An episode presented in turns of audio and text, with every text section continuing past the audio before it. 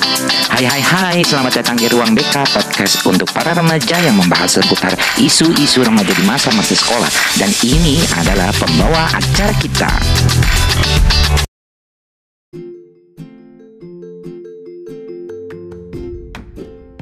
Hai hai hai Akademika, bertemu lagi kita di Ruang BK Podcast Ruang yang membahas isu-isu seputar remaja di masa-masa sekolah Episode kali ini kita akan bincang-bincang dengan bintang tamu kita yang baru saja selesai ujian SBMPTN dan seleksi perguruan tinggi kedinasan.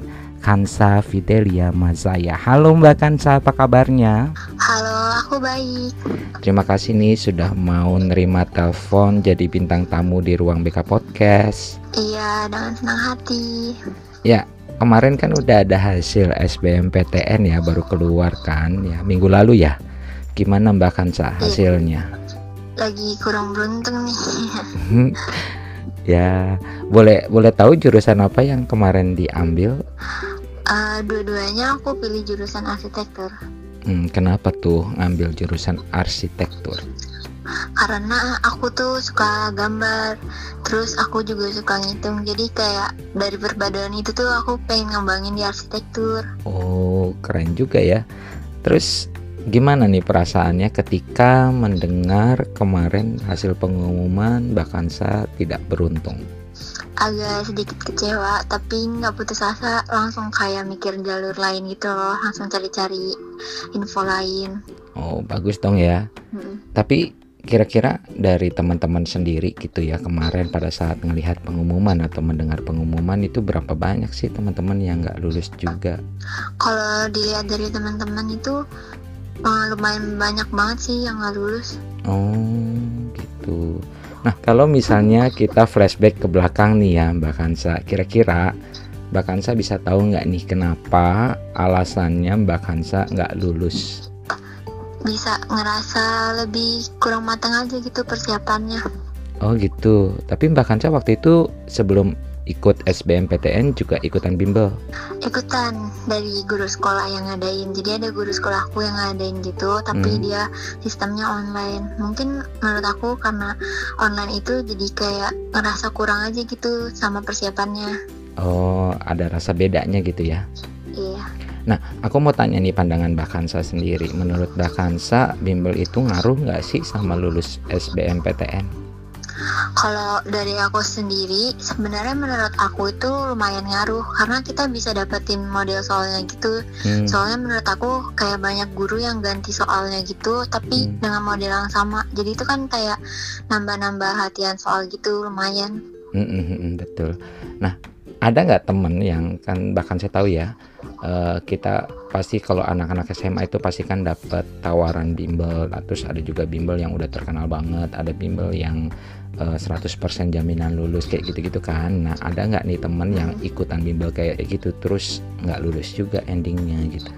Ada kok ikut bimbel yang gede-gede gitu. Soal tapi yang dari aku lihat soalnya tuh mereka kayak lebih bergantung sama bimbelnya. Soalnya menurut aku tuh uh, kita tuh nggak harus bergantung sama bimbel tapi kayak lebih ke diri kitanya gitu loh. Hmm jadi ya ikut bimbel nggak ikut bimbel juga tergantung dari kita juga masing-masing ya iya ya andai kata kita ikutan bimbel terus kita juga males ya endingnya sama aja nggak lulus juga ya iya nah sekarang kan udah keluar nih ya hasil pengumuman SBMPTN dan nggak lulus ya tahun ini juga.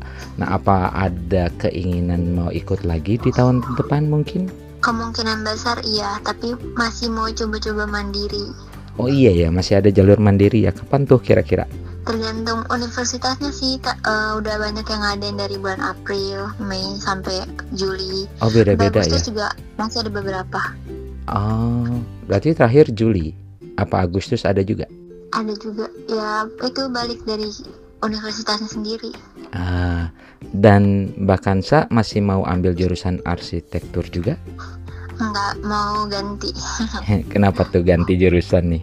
Hmm, ganti aja, mau lebih kayak apa ya?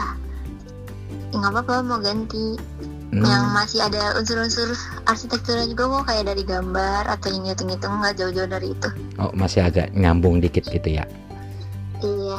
Terus apa nih persiapan Mbak Kansa untuk ujian mandiri? Bukannya lebih sulit ya kalau ikut ujian mandiri itu soal-soalnya?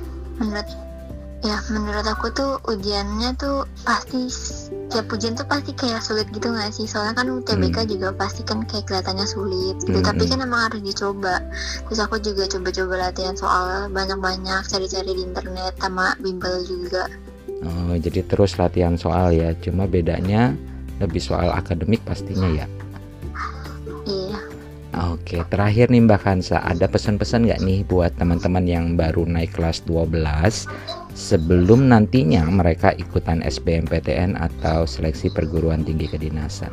Iya belajar yang rajin biar dapat nilai yang bagus. Soalnya kalau kalau masih sekolah itu kan apalagi sampai semester 5 itu kan nanti masih bisa penentuan hmm. apa SNMPTN jalur hmm. undangan perguruan tinggi negeri hmm. gitu. Nah kalau misalkan yang ikut SBMPTN-nya kan apa kayak harus rajin-rajin belajar, harus benar-benar latihan soal gitu.